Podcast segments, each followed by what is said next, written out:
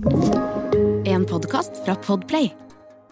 Jeg tror fremdeles at det er innafor å si godt nytt år. Eh, Jeg vet vi diskuterte det forrige uke. eh, Vi kan fortsette med det. eh, Men en liten stund til. Altså, jeg, jeg vil, Når du møter nye folk, så tenker jeg sånn I slutten av Kanskje begynnelsen av februar. Hvis det er første gang du møter noen du ikke har sett på en stund, så kan du si godt nytt år. Eh, Så da igjen sier jeg bare hei, Eirik, for vi har jo møttes nå noen ganger i det nye året. Ja. Så da er det bare hei igjen. Hei igjen. I riktige gamle dager, den fins vel fremdeles, det fantes en bok som het Skikk og bruk, tror jeg. Der, der står det sånne ting. Jeg skulle ønske jeg hadde en sånn bok. Ja, men for der det er det sånn med kniver og gafler, og hvordan du skal sitte, ikke albuen på bordet og Men vet du hva, lytterskaret, da, da er hermed utfordringen sendt til eh, hvis, hvis dere har den liggende, så veit dere hvor dere skal sende den. Å, sånn skikk og bruk-bok. Mm. Ah, jeg, jeg husker Altså, digresjon. Sorry.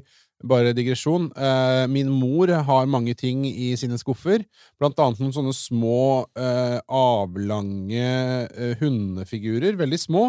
Som er til å legge kniv og gaffel på etter at du har brukt de. Ja, det, de husker jeg. Det er sånn Å oh, ja, det husker du. Ja, altså, ja, det er sånn jeg, jeg hadde, Da jeg vokste opp, så hadde jeg usedvanlig mange grandtanter av en eller annen grunn. Ja. Eh, grandtanter fra hele landet og hele verden. Blant annet min nordnorske grandtante som en periode drev med strutsefarm i Kenya. Og, hadde, og, og jevnlig sendte oss bilder fra de glade dager i Kenya som i dag er så politisk ukorrekt at det er helt forferdelig. og som brukte ord som heller ikke kan brukes, men hun hadde sånne hunder. Total digresjon. Ja, uh, dette er altså Romkapsel, en podkast om uh, rom, romfart. Eh, Beklager det der, der. Vi kjører vignett, og så er vi seriøse. Three, two, one. When liftoff. One, two, three, four, five, five, four, three, two, one. Enter bed. Okay, we checked all four systems, and there you go on modulation, all four, and keying with a go. Quality base here. The Eagle has landed. Ok, da er vi ferdig med digresjonene. Nå lover vi Nei, vi gjør jo ikke det! For det kommer flere digresjoner. Altså, Jeg sitter jo og ser på digresjonenes ypperste prest her. Så Ja, mens jeg ser på han som da Når jeg sier hva temaet er, så kan dere gjette hva som kommer til å skje, og da er det enkelte lyttere, jeg skal ikke engang nevne navnet, som kanskje bør skru av lyden noen sekunder, for te dagens tema, det er Venus! Dum, dudelu, We're heading for Ja, ja. Den, det var en sånn eh, opplagt dum Heading for Venus, Venus But still it's farewell. Du, vet du hva? Vi må bare Vi kan bare si det, kjære Der var det over. ørevenn. Eh, nå, det blir ikke mer synging nå, det blir ikke noe musikk nå. Hashtag men no trigging. det, som, det vi skal si, var at uh, hvis du husker tilbake fra Man skal jo ikke egentlig drive og referere til episoder fram og tilbake, for det er jo helt opp til deg uh, i hvilken rekkefølge du hører. Men hvis du da er en sånn uh, som er litt opptatt av orden, og hører kronologisk, så vet du at i forrige episode så snakka vi med Pål Brekke. Og eh, på tampen av den episoden så sier jeg at vi skal ha et lite redaksjonsmøte. Og det har vi hatt. For det som er greia, er at Paul han eh, er en smart fyr som har mye smart å si, men som eh, innimellom må ty til noen litt frekke virkemidler for å få eh, folk til å høre. Og det han har gjort, er å lage et show som heter Astrorock. Eh, og det showet skal vi eh, bearbeide litt og gjøre tilgjengelig, forhåpentligvis, for deg, kjære lytter, med musikk. Eh, så her blir det ikke bare eh, vitenskapelig informasjon om eh, ting i verdensrommet, men det blir også eh, akkompagnert av de flotteste musikkstykker fra rockehistorien. Det eh, har vi planer om. Det kommer eh, bak en eller annen sånn innlogging, ikke betaling, men innloggingsfunksjon på et eller annet tidspunkt.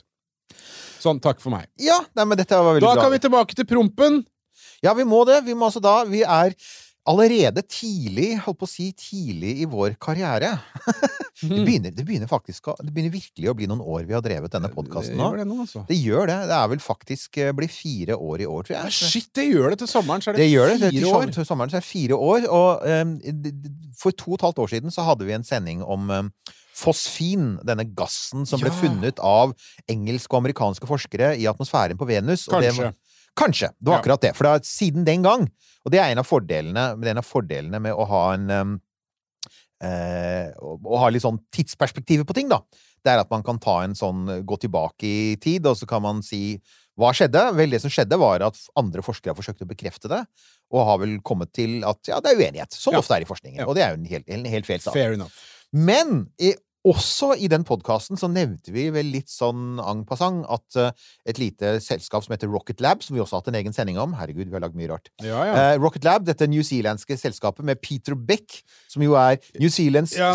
svar på På Twitterkongen. på Twitterkongen, Ja. og faktisk, så vidt jeg har skjønt, ikke høyreekstremist og rar og skilt. Og han skal heller ikke kjøpe opp noen sosiale Nei, han- han er- Eller nå hører jeg ryktet, kommer det inn på øret at han skal kjøpe Telegram Nei. uh... Men altså, Peter Beck har fokus på dette lille romselskapet sitt.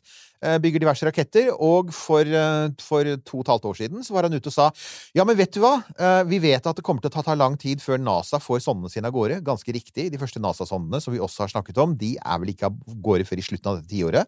Men vi skal sende um, vi har et, et sånt øvre trinn som heter Foton, som er i stand til å fly til månen, og også er i stand til å fly til Venus hvis vi trikser litt med banene. Og i løpet av noen år så skal vi ha en fotonbåret sonde til Venus som skal se etter fosfin. Og saken er at det ser ut til at de nå er i ferd med å gjøre. oi! Ja! Det er vet du, Umiddelbart da så tenker jeg bare at shit, ambisiøst, og shit, har de faktisk Ja. eh, på en måte ish fått det til? Ja, det ser sånn ut, at ganske nylig så publiserte forskerne som er involvert i prosjektet, uh, de, de publiserte data, altså mye mer informasjon om prosjektet. Uh, om hva slags instrument som skal sendes av gårde, og spesifikasjonene på selve kapselen, og spesifikasjonene på instrumentet. Og alt det de har publisert, tyder på at man har faktisk man har gjort det. Igjen, um, Rocket Lab er i likhet med SpaceX et privat selskap, så i motsetning til NASA, som er pålagt å publisere ting, for det, altså, NASA er skattebetalerfinansiert, denne Venusferden er, så vidt jeg husker, i sin helhet privatfinansiert. Det er ganske billig, for dette er sånn smallsat-prosjekt, CubeSat, Men det er langt! men det er langt, og det er et, det er et stort og ambisiøst prosjekt. Eh, Men de har da altså publisert eh, data som får oss til å tro at allerede i mai så kan det tenkes, altså mai i år, Mai 2023. i mai 2023 så skal det sendes opp en elektronrakett med et fotontrinn på toppen, og oppå der en liten kapsel som skal sendes til Venus, og den skal da ankomme Venus i oktober i 2023, altså oktober i år. Oh, ja. Eh, og da vil den sende data tilbake med en gang, og i løpet av ikke så veldig mange minutter så vil man da ha de første målingene fra atmosfæren på Venus på veldig, veldig lenge. Så og vi- noen minutter etterpå så er den daud. Og noen etterpå Det er helt riktig, dette er en sånn Ja. kamikaze-sonde. Fordi her er jo da Altså, det, det, sånn, det, det man Altså, omstendighetene rundt den er jo nettopp dette at det er en smallsat, og, og foton kan sende av gårde en sonde på vel er det rundt eh, Det er vel sånn rundt 80 kilo. Det er en, en kjegle som er sånn ca. 40 cm i diameter. Og oppi sonden så er det plass til ett instrument, og bare ett. Den kan bare frakte én kilo med instrumenter ned i Venus sin atmosfære. Og denne kjeglen er da som en Den ser litt ut som en sånn der, sånn, ja, rom, romkapsel. Og den faller da inn i Venus-atmosfæren, og i løpet av fem minutter så må dette lille instrumentet samle inn alle de dataene det kan, og så sender dem tilbake til fotonsonden som passerer forbi Venus i samme øyeblikk. Og den er da en sånn relésonde, og den sender da tilbake til, da tilbake til jorda. Så det er jo en stor og kompleks øhm, operasjon, og det er veldig mye som kan gå galt. Ja. Men ambisjonsnivået, da. F- Ti poeng for det. Men eh, remind me og andre som kanskje ikke husker hva, hvor, hvor er vi liksom på merittene når det kommer til eh, Rocket Labs? Hva, hva har de Altså, hva, hva får de til? De, de er Beviselig. altså, de, de er jo et De er jo det ledende Smallsat-selskapet nå. De sender opp ting hele tiden. De sliter litt med påliteligheten. De har hatt noen failures. Det er ikke så veldig lenge siden. De sliter også en del med utsettelser og scrubs. Uh, så, så jeg tror kanskje vi skal ta uh, Altså, mai 2023 De sier offisielt, er det fremdeles det som er datoen. Eh, får de ikke det til, blir det en scrub eller blir det noen tekniske utsettelser, så blir det nok Så er, så det er jo igjen sånn der Det er oppskytingsvindu. launchvindu her. Det er launchvindu, og det neste er faktisk ikke før i januar 2025. Og det er bare, det er bare hva det er. ja. Okay. Så det betyr at uh, det er enten nå i mai, ja. uh, ellers, er det, ellers er det altså faktisk i 2025. Men når det er sagt, da, så er det jo sånn at NASA har jo ikke planer om å sende av gårde ting før mot slutten av tiåret. Kanskje tidlig på 2030-tallet, siden det ofte blir forsinkelser. Eh, og det betyr at uansett så vil jo Rocket Lab være mye tidligere ute. Mm. Og, og, og det de skal gjøre, da, bare for å si det, altså det, det, dette stoffet fosfin, dette her Prompegassen, som det blir populært kalt. som ofte blir forbundet med liv, og som ble funnet i atmosfæren til Venus. Og det er klart, alle er enige om at det finnes ikke liv på overflaten til Venus, fordi Venus er en helvetesplanet, 400 grader varm, det regnes svovelsyre, det er trykk som på 100 meters dyp. Eh, Det, det kan vi bare glemme. Ja. Men oppi atmosfæren, og atmosfæren er veldig tykk, mye tykkere enn jordas atmosfære, men sånn 30, 40, 50, 60 km oppi atmosfæren, der er temperaturen ganske sånn lunken og koselig, og det man har da tenkt seg er og dette har man tenkt seg, dette snakket Carl Sagen om på 1970-tallet. Muligheten for at bakterier kan lage sitt eget lille økosystem der oppe. Oh, ja. Altså, Ja, at, at, de bare, at de bare liksom hele tiden Ja, de, de blir født, de lever og dør, og hele tiden så blir de fraktet av varme vinder nedenfra, kommer høyt opp i atmosfæren. Altså det foregår en sånn jevn Det er et slags sirkulasjonsprosess sånn albatrossliv oppi der, altså, Ja. som aldri lander. som aldri lander. Teoretisk er det ikke noe i veien for det. 1202. Så det var liksom da det, Når man fant fosfin, så var det plutselig noen som sa men ok, kan det bety at det finnes bakterier der? Mm. Så det denne lille Venus-sonden, som jeg ennå ikke har funnet Jeg kan ikke se at jeg har laget noe navn på den. Um, det den skal gjøre når, den da, når denne her kapselen styrter inn i atmosfæren og, og da- Fart One, tror jeg den skal hete. Fart One er veldig bra. jeg håper at de har en Ja, sånn det, å, det har vært fint. Jeg håper at de har et av disse her legendariske akronymøtene. Oh, ja, ja. Mm. Et av disse her, Jeg er igjen helt sikker på at det alltid skjer på en pub med mye øl eh, og, og mye dårlig musikk i bakgrunnen. Så sitter man og finner på sånn dad joke-akronymer. Ja. Så Fart One, please gjør det! Eller Farty McFartface eller sånt noe. Men det vil også passe der. Farty McFartgas. Ja, Ja. ok. Men eh, nei, altså, det, det de skal gjøre, er at de, de skal da, på, disse fem minuttene, så skal de falle fra ca. 60 km høyde ned mot 45 km høyde. Og det da dette lille instrumentet skal gjøre, er Altså, det skal jo ikke stikke en sånn der skup ut og fange atmosfære. Det skal gjennom et gjennomsiktig vindu, så skal det skyte ut en laserstråle. Og det skal da treffe stoffene som da Det skal treffe liksom, gassen som er utenfor. Og, og det den da skal gjøre Jeg måtte faktisk slå opp dette ordet. Uh, instrumentet er, og det er mulig at det, altså, det er helt sikkert noen av dere som hører på, som veit hva dette her er, men jeg måtte slå opp på Store norske. Det er et autofluoriserende nefelometer. Og ifølge Store norske leksikon så er et nefelometer er et instrument som brukes for å måle uklarhet i væske. Eh, ja, Og det, altså, altså Venusatmosfæren er så tjukk at det kan godt stemme. ok. Så det man da skal gjøre, er ved altså, Og fluoriserende, det er da det som skjer. Altså, fluoresens er hva som skjer når du for eksempel ut, når du utsetter for stoffer for energi, og så begynner det å lyse. Ja. Og Et klassisk eksempel er det er uh, Geologisk museum i Oslo, som har et eget rom, eller i hvert fall pleier å ha, jeg mener de fremdeles har det, et mørkt rom. Mm. Og når du går inn der, så er det helt mørkt, og så plutselig så begynner steinene, mineralene rundt deg, å lyse, og det er fordi at det er satt på UV-lys, blacklight, Ja. som, som da eksiterer eh, eh, altså atomene i disse her mineralene og får dem til å lyse. Og det man skal gjøre her, er å få em, organiske molekyler, mo- molekyler som kan være forbundet med liv, men ikke nødvendigvis. De er ofte fluoriserende, det vil si at når du da skyter på dem med en laser, så vil de glimte tilbake med litt lys. Aha. Så det man håper på Altså, dette instrumentet kan ikke fange opp fosfin direkte, for det har de rett og slett ikke plass til. Nei. NASA skal sikkert gjøre det, men dette, det, det lille Rocket Lab har bare denne kiloen med, med materiale tilgjengelig, så de har da be- be- bestemt seg for å være litt mer sånn generelle. Så de skal skyte laser ut i atmosfæren, og så skal de håpe på at det glimter tilbake. Så de har filmer, da? Eller tar Ja. bilder? ja, så tar de bilder, ikke sant? Så registrerer de lys, lysglimtene. Ja. Eh, og da er det jo da lengden på lysglimtene og, og fargesammensetningen, spektersammensetningen, da, som kan fortelle dem ting. Så et godt eksempel er da aminosyren triptofan, som vi alle sammen må ha i oss for øvrig, hvis vi skal klare okay. oss. Ja, det er et viktig, aminos, viktig aminosyre. Kroppen klarer ikke å lage den selv. Triptofan finnes også der ute. Og den er da faktisk fluoriserende. Den lyser hvis du skyter på den med visse typer lys. Så det er da den ene tingen. Og det andre er at denne laserstrålen også skal Man skal se på hvordan laserstrålen sånn spres utover.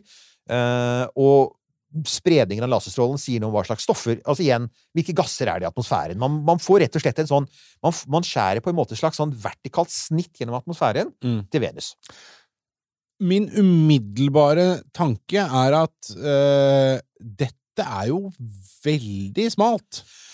Det er veldig smalt. Men eh, jeg skjønner jo at et sted må man starte, for det er jo ikke så mye man har utforska når det kommer til Venus. Eh, Det var vel russerne som hadde et eller annet der eh, som Ja, vi skal på et eller annet sånn- tidspunkt lage en sending om Venera-prosjektet. Ja. For det var ganske imponerende hva russerne fikk til. Sovjeterne fikk til på, på 70- og 80-tallet. Så gjorde de helt fantastiske ting på Venus. men, men her er det Man reiser langt og bruker mye for veldig, veldig lite.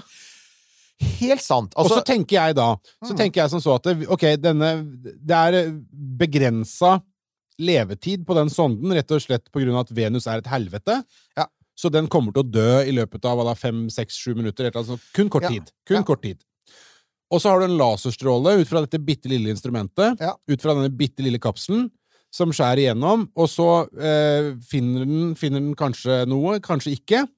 Uh, og det er helt avhengig av at den kan sende signalene opp til den andre og så tilbake til jorda. ikke sant? Ja. Masse greier. Men er det da Kan man tenke seg at den, den kan hende at den treffer et sted hvor det ikke er noe særlig? Meget mulig. Det er helt sant. Og, og, og det er en sjanse man bare må ta. Ja. man, for man har, man har ingen mulighet til Altså, Venus er jo bare dekket av atmosfære. Det er atmosfæren man skal analysere, så man har ingen mulighet til å planlegge, sånn som man gjør på Mars, for eksempel. Ja. Der vet man nøyaktig hvor man skal, man lager nøyaktige kart, og man har gjerne en sånn lang sånn Ja, man har masse møter, evalueringsrunder, ikke sant. Komiteer som sitter og sier ja, hvilket område på Mars gir størst mulighet for gevinst? Mm. Det kan man kunne på Venus. Mm. Venus er total uh, terningkast. Men eh, når det er sagt, da, så er det jo Det er klart at det er veldig lenge siden vi har samla inn sånne data fra Venus Fair tidligere. enough. Og det er 15 km vertikalt man skal fly gjennom. Ja. Og selvfølgelig, det er laser, det vil si at det kommer en ganske stor strøm med data. Det er ganske mye data. Her er jo da, altså En av utfordringene her er jo at disse, eh, disse dataene må streames. Du får ikke mer data enn det du kan streames. For det, det er ikke snakk om å lagre noe og Nei. hente det etterpå. For det som, det, det, jeg kan si hva som skjer med denne her kapselen. Den kommer til å falle ned til sånn ca. 35 km høyde, 30 km høyde, og på et eller annet tidspunkt så blir trykket så stort at den knuses. Ja. Og så vil eh, vinder, syre og trykk knuse hele greia, og man, det man regner med, er at restene av kapselen vil dette ned som flak på Venus i løpet av en time. Ja. Så det, er, så det er ikke snakk om å lagre noe. Det, de eneste dataene du får ut, er de som sendes ut der og da, fanges opp av fotoen og sendes tilbake til jorda. Ja, og, så, men der, og der har du jo også eh, en utfordring, da, for den der lille eh, sonden som skal ned, Ja. som skal sende den dataen tilbake gjennom da denne ertesuppeatmosfæren. Ja, pluss en ting til. Den skal Oi, ja, en ting til, ja. Ja, det er en ting til, og det er jo Ja, den er jo innkapslet. Det vil si at det er ikke sånn at det sitter en, en antenne på baksida. Altså, det sitter en antenne inne i selve sonden. Ja. Eh, og og det, det gjorde at man måtte også gjøre noe sånn det, det, det har da utformet designet. Dette, dette her vitenskapelige paperet er utrolig interessant. Jeg kan legge en lenke til det for de av dere som er nerdete nok, for der er det, går det ganske mye detalj. Så det du forteller blant annet, er at um, du, du har Det er jo kapslet inn i metall for å tåle trykket. Eh, og de måtte ha en maksgrense på to millimeter med aluminium for, som signalet kunne gå igjennom, for ikke å få forstyrrelser i signalet. Men det setter også en grense for hvor lenge sonden kan overleve. For det Ja. betyr at to millimeter aluminium er ikke mye mot Venusatmosfæren. Nei. Så det er, det er veldig sånn godt eksempel på alle disse kompromissene du må gjøre. Du har veldig lite masse, du har veldig kort tid, du har veldig ekstreme forhold. Igjen, space is hard. Ja, og eh, more so på, på Venus, da. Men det vi potensielt da kan ha i oktober i år, hvis alt går som planlagt, det er Hvis vi er heldige, så har vi altså da eh, de første målingene av organiske molekyler på Mars. Igjen, vi kan ikke måle På Venus. eh, på Venus. Vi kan ikke måle For Mars vet vi allerede. vi, vi kan ikke måle på, på Altså, vi kan ikke måle eh, fosfin direkte. Men hvis det finnes organiske, andre typer organiske molekyler i atmosfæren, Ja. så er det Da er det mye mer sannsynlig at fosfinet har et organisk opphav. Ja. Så det er det man tenker. Man tenker sånn indirekte at ok, eh, fosfin kan ha et mer kjemisk opphav, men hvis det er masse organiske molekyler der, så er- virker det mye mer rimelig. Og da har man selvfølgelig også, hvis man finner organiske molekyler eh, på det nivået i atmosfæren i Venus, så har man også fått et veldig sterkt argument for å trappe opp kraftig da, alle sånne eh, satsinger framover på Venus. Da blir også Venus mye mer interessant som mål. For det er jo det vi snak har snakket om tidligere, med at NASA har jo vært helt åpne på det. De har prioritert Mars. Ja, ja. I, I tiår etter tiår etter tiår så har de prioritert Mars. Nå vil de tilbake til Venus, og, og i så måte så kan denne lille ja, Den lille sonden kan jo faktisk bety ganske mye, da. Men ah, Og dette har, har, har, Peter Beck funnet på dette her sjøl, eller? eh, Ja, langt på vei så skal det være det. Altså, øh, og det har litt å gjøre med Dette er jo litt sånn litt artig forskjell på uh, det er mange forskjeller på SpaceX og på, uh, på Rocket Lab. Den viktigste er jo skalaen. Eh, Rocket Lab er et bitte lite selskap sammen med giganten SpaceX. Men det er jo en ting til, da, og det er at selv om Rocket Lab er små, så bygger jo de faktisk De bygger jo romsonder. Eh, De har bygd romsonde til månen, Capstone, som jeg snakket om tidligere, som de nå har fått kontakt med. Det er en sånn som skal drive og utforske dette området som Artemis driver og flyr gjennom, og Gateway skal gå rundt i og sånn.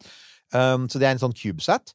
Eh, De har kontrakt på å sende to sonder til Mars. Oh. Og de skal altså bygges av igjen av Rocket Lab i samarbeid med, med for, selvfølgelig forskere. Ah. Og, og det det betyr, er at lille Rocket Lab har en mye mer sånn interplanetarisk vinkling enn giganten SpaceX, som for øyeblikket først og fremst er opptatt av nær jordbane, og ikke minst Starlink. Altså ja, de skyter opp massevis av Falcon 9, men det er veldig mye satellitter. eh, og kommunikasjonssatellitter. Så, så det er jo litt Det er ganske artig at de som er såpass små, har denne her voldsomme ambisjonen om å sende en romsonde til Venus. Og på, e- på, på, på, sett og vis så gjør jo eh, Rocket Lab gjør jo den tingen med Venus, og etter hvert med Mars, som egentlig SpaceX burde gjøre, for de har jo planer om å sende mennesker til Mars. Vi har jo snakket om det før. Men at de får jo ikke mennesker til Mars hvis ikke de sender masse sonder først.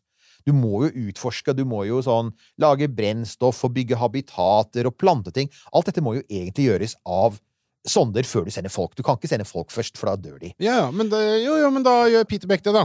Så, er det, så, så, så det morsomme er jo at Peter Beck er i ferd med å, å lansere en strategi da, for interplanetarisk utforskning som er, er ganske radikal. For da kommer vi tilbake til kostnaden. Ja, hva koster dette, da? Ikke sant? Ja, ja. Jo, uh, ifølge forskerne som jobber på prosjektet, så er det samla prisanslaget er rundt 10 millioner dollar. Oi! Og det kan vi være enige om at det er veldig lite. Det er veldig lite! For den billigste NASA-Venus-sonden er for øyeblikket budsjettert til 500 millioner. Ja. Og vi veit hva som skjer med NASA. ja. Det blir fort en milliard. Det, dessverre så blir det fort en milliard, men det, altså, igjen, det er vi vant til. Altså, Perseverance koster 5 milliarder, og, og Web kostet hva? 10-20? Ja, ja, ja. Så, så vi er vant til at milliardene flyr, og så plutselig snakker man om et interplanetarisk prosjekt til 10 millioner. Og her er da det som er litt, sånn- den litt sånn smarte strategien, for at en, disse NASA-sondene de kommer til å ha med seg eksempel ti instrumenter. Det er helt vanlig. ikke sant? Ti forskjellige instrumenter som gjør masse forskjellige ting. Og det må man, for at den sonden er stor og dyr, og den koster Ja, ja. Den koster en milliard. Ja. Ja, her sier man at Vel, har du lyst til å sende ti instrumenter til Venus? Ja. Hva med å sende, sende ti sonder, da? Som hver koster 10 millioner, ikke sant? Jo, jo. Eller 20 millioner. Ja. Da er det koster det 200 millioner dollar, da. Du har allerede spart utrolig mye i forhold til, til NASA. Det er helt tydelig uh, Peter Becks strategi. Den er litt spennende, for det betyr at ikke bare så er det mulig å erstatte en del av de NASA-sondene som man har nå, få litt sånn redundans, istedenfor at alt, alle egg er samlet i én kurv som kan knuse. Så har du spredt det, sånn at ok, kanskje to-tre sonder ikke kommer fram, men, men sju av ti kommer fram. Så det er, det Det er jo bra. en kjempefordel på Venus òg, for der er det jo selvkompostering etterpå. Så det, Det er, er veldig Venus. greit. Nemlig, det er null problem å Ja. dumpe ting, folkens. Det er null problem. Venus eter alt. Ja. Det er sånn det Men det er jo Men det er jo en veldig god tanke, som du sier. Altså den der, der å, dele, å dra det utover istedenfor å samle alt på ett sted, og så rudder den raketten, da, og så er du fucked. Det er jo bedre å rudde én liten billig rakett enn en kjempesvær og veldig dyr rakett. Ja, det er akkurat det. Det er Han, altså, det ser ut som uh, Hva er det man sier sånn med, med Peter Beck? Han, he's a man with a plan, ikke sant? Mm. Altså, han har helt tydelig en sånn større plan her, og det er å ikke prøve å utfordre SpaceX på å skyte opp 800 zillioner kommunikasjonssatellitter som skal, skal, som skal skrive, streame Netflix til uh, Survivalists i den amerikanske ødemarka, som er hoved... I praksis er mye av det de driver med nå. Ja, ja. Um, men, men Off-gridderne. Off-gridderne, ikke sant? Uh, men, men istedenfor faktisk eh, være med på dette her interplanetariske En, en eh, Altså, det virker mer sånn edruelig, altruistisk eh, Jeg, jeg på et noe- vis. jeg syns det er noe grunnleggende sympatisk ved det. Pluss at Ja. de selvfølgelig har hekta seg på Artemis på en smart måte. Ja. De har allerede altså igjen, de har allerede begynt å levere til Artemis. eh, der vi ennå er veldig langt unna at SpaceX har levert til Artemis. Så vi, vi, vi, vi har den, vi har den sånn men Det er ingen tvil om hvem som stiller sterkest i den konkurransen når det gjelder volum. Men når det gjelder sånn smartness Ja. og, og strategi, så vil jeg si at jeg, dette her er en strategi jeg er spent på. Så nå er jo det, det store spørsmålet er jo selvfølgelig igjen, får de det til i mai? Uh, enn så lenge så har det vært litt stille fra dem, og det er et, for meg så er det et tegn på at de nok er litt forsinka. Det er, Jo, jo, men det, Men det- det er altså- vanlig. det er altså, denne podkasten er jo Østfoldbanen. Altså, den er jo det. Det er, sånn, det er alltid forsinka! Alt Alt vi snakker Ja, ja. om, er minst! ja. Brikstunnelen, er det det den heter? Ja, ja, ja, ikke sant? Det er, sånn, dette er, det, er, det er veldig dyrt, og det er veldig forsinka. Det er vår podkast i et nøtteskall. Men, men, men Altså, eh, igjen da, da, hvis vi skal ha litt, litt sånn snekkertankegang på det her mm. Hva skal vi med denne informasjonen? Altså, for det vi vet jo at Venus, eh, og nå har vi sagt det flere ganger, Mm. eh, er jo et drittsted. Mm. Eh, men, altså, kanskje det er noen bakterier i atmosfæren? Kanskje det er noen bakterier i atmosfæren. Eh, For vi kan jo ikke gjøre noe med det. Altså, det å utforske Venus ytterligere er jo beint umulig. Overflaten på Venus er jo helt stokk umulig. 1202. Ja, altså ikke helt umulig. NASA har faktisk planer om å sende en lander til Venus. Eh, en landingssonde. Akkurat som de russiske tilbake på 70- og 80-tallet. Kommer til å ha ganske kort levetid. De håper nok på å kunne holde den i live lenger enn det sovjeterne klarte. Altså, det var imponerende at de holdt såpass mange minutter som de gjorde. Eh, det har til og med Det er det sjukeste jeg har sett. da.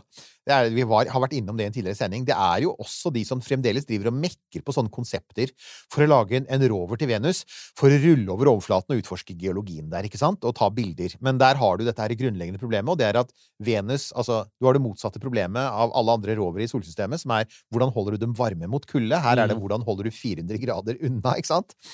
Eh, så eh, Men du har helt rett. Man, man, Venus er ikke interessant ut fra sånn der Kan mennesker dra dit? Kan mennesker kolonisere? Det kan vi ikke. Det kan vi ikke. Ferdig. Og alt prat om å terraforme Venus og sånn er liksom det, det tror jeg stort sett er lagt på, på, eh, på vent nå. Det var sånn Man hadde sånne planer og man ikke visste hvor ille det var på Venus. Nei, dette her er jo grunnforskning, da. Dette her er jo rett og slett det å Altså, det, det er fremdeles en stor diskusjon blant eh, romforskere og biologer og eksobiologer om hvor vanlig er liv. Mm. Hvor Ja, mange steder kan vi finne liv? Ekstre, dette, er, dette, er, dette er det som heter ekstremofilt liv. Helt ja, klart. ja. Dette er disse ekstreme bakteriene som vi finner masse av på jorda, som lever i nær kjernekraftverk, eh, brenselstaver, dypt under jorda i 120 grader, ko koser seg i syre. De fins! De fins jo! Så det fins ekstremofilt liv på jorda, og det er klart at fins det, det bakterier som trives i 200 grader og syre på jorda?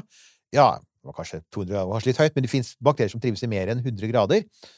Og, og, og i syre så kan det jo tenkes at det kan finnes noe på Venus også. Ja. Så det handler vel kanskje mer om dette her med å utvide det potensielle rommet for levende organismer. At, Ja.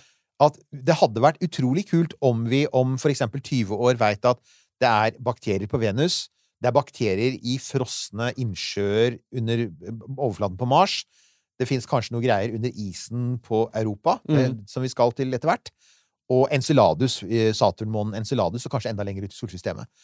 Og så lenge vi ikke undersøker det, så får vi aldri av, avklart den diskusjonen, og det er en kjempeviktig diskusjon, for det hadde jo ytterst sett om liv i universet. ja.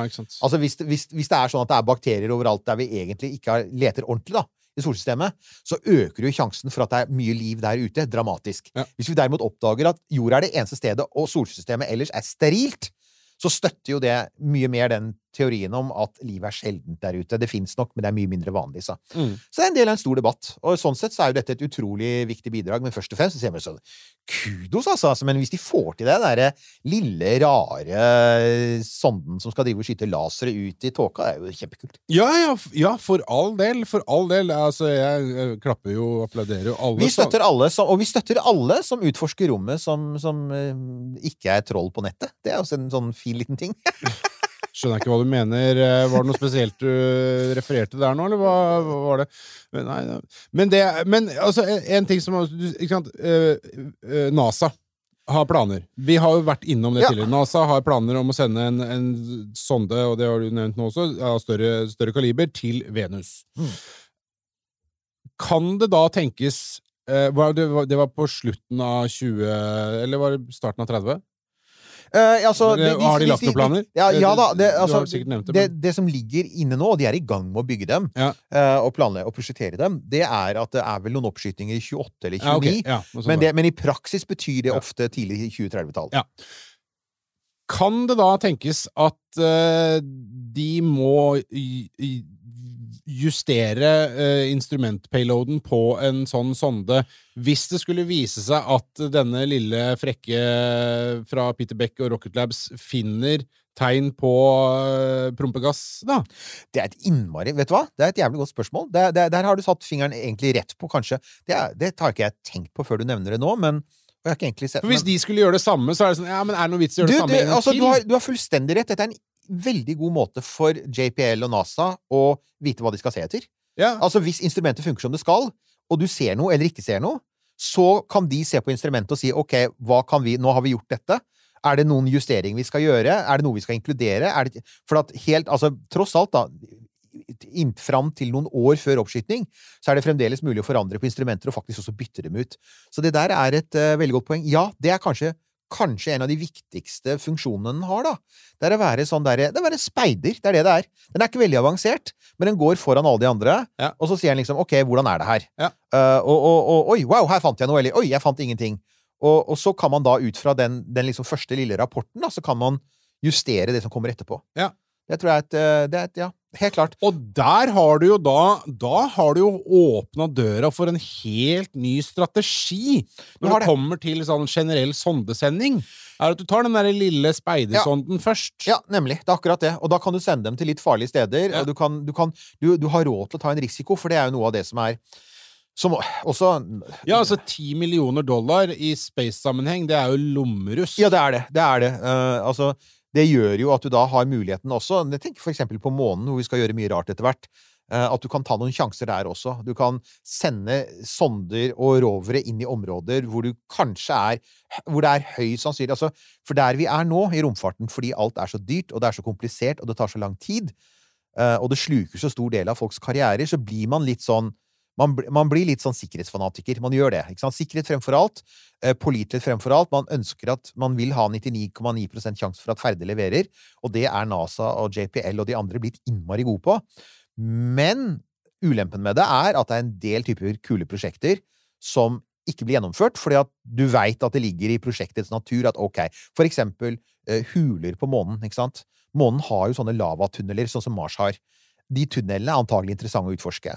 Men å sende en full NASA-rover inn i en hule på Mars nå, det er antagelig en dårlig idé, fordi det er stor sjanse for at den blir stående fast der inne og ikke kommer ut igjen. Ja, for de har tenkt for stort, rett og slett. Ja, altså, for at? Og, og da komplisert, bruke liksom to milliarder på en rover som ruller inn, og som Ja. har 50% sjanse for at den dauer. Men hvis du derimot kan Ta en radiostyrt bil med et GoPro-kamera på, da. Nemlig akkurat det. Hvis du istedenfor kan gjøre det, da.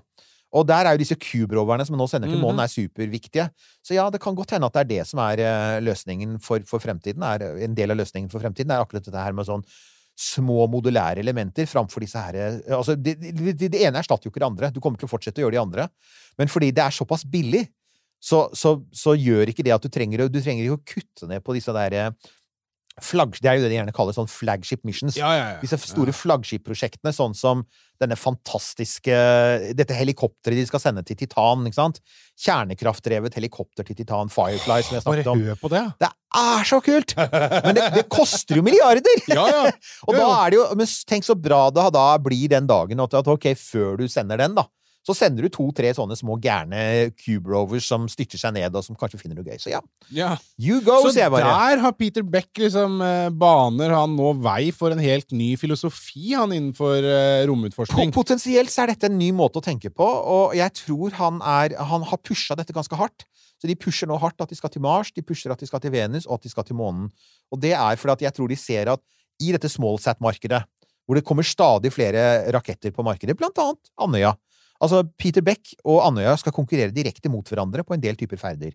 Og sørkoreanerne er med. Og det bygges andre Det er jo den første eh, Det er jo Svenskene har jo faktisk eh, nå, De har vel nå åpnet Kiruna. Det var en som tipset meg om det, om at de er i ferd med å åpne eh, De har jo Jeg skulle akkurat til å si Sverige, nemlig. ja, nemlig. Sverige er, de har allerede, de er, de er allerede i ferd med å starte opp sin virksomhet der. Konkurransen på smallset-markedet blir knallhard. Mm. Og det vet Rocket Lab, som var de første ute i dette markedet. Så de bygger jo allerede en større rakett, Neutron, som kommer etter hvert. Mm. Og de satser på disse her interplanetariske ferdene. Det jeg det, det er smart grep at når liksom alle rundt deg er eh, i ferd med å konkurrere deg ut på det, så gjør noe annet. Good thinking. Og da ønsker vi hjertelig velkommen til Gründerpodden eh, her. Ja, ja, ja! ja. Innovasjon, Finn- folkens! Finn din nisje. Finn din nisje. Ja. Men eh, Pasjon og visjon og innovasjon. gøy Å, hør på han! Hallo, noen har vært på konferanser. ja. Og fått seg et eple og smørbrød i pausen der. Ja, Ja. Ok. uh, vi setter strek der for denne uh, litt kortere episoden. Er, vi trenger ikke å være sånn dritlange hver gang. Uh, så Nei, ørene Altså, kjære ørevenner, ørene deres fortjener av og til en hvil. det er viktig. Som vanlig, vi avslutter som vi pleier. Alltid. Facebook, kjør debatt om interplanetarisk prompegass og andre ting. Små Ja. raketter, store raketter. Eh, hva det måtte være. Romkapsel.no. Der finner du eh, T-skjorter og kopper. Eh, og tusen takk til alle som både kjøper det, og som også støtter oss på Vips. Der heter vi Romkapselen Newt og Halvorsen. Og med det så takker vi for uh, i dag. Denne Takk så gang. mykket, som man sier i de delene av rombransjen som leder foran Norge. Og siden, siden vi nå er eh, Har liksom giv i det nye året og, og har litt planene klare, så får vi vel også si det at eh, neste uke så skal det da sannsynligvis, etter alle solemerker, være en veldig, veldig gøy episode. Ja. Eh, For da skal vi igjen snakke om James Webb. eh. Fra kvalifisert munn. Ja, for det som har skjedd med web, er jo at uh, nå har man samlet inn masse informasjon, og forskere har begynt å holde konferanser. Apropos konferanser.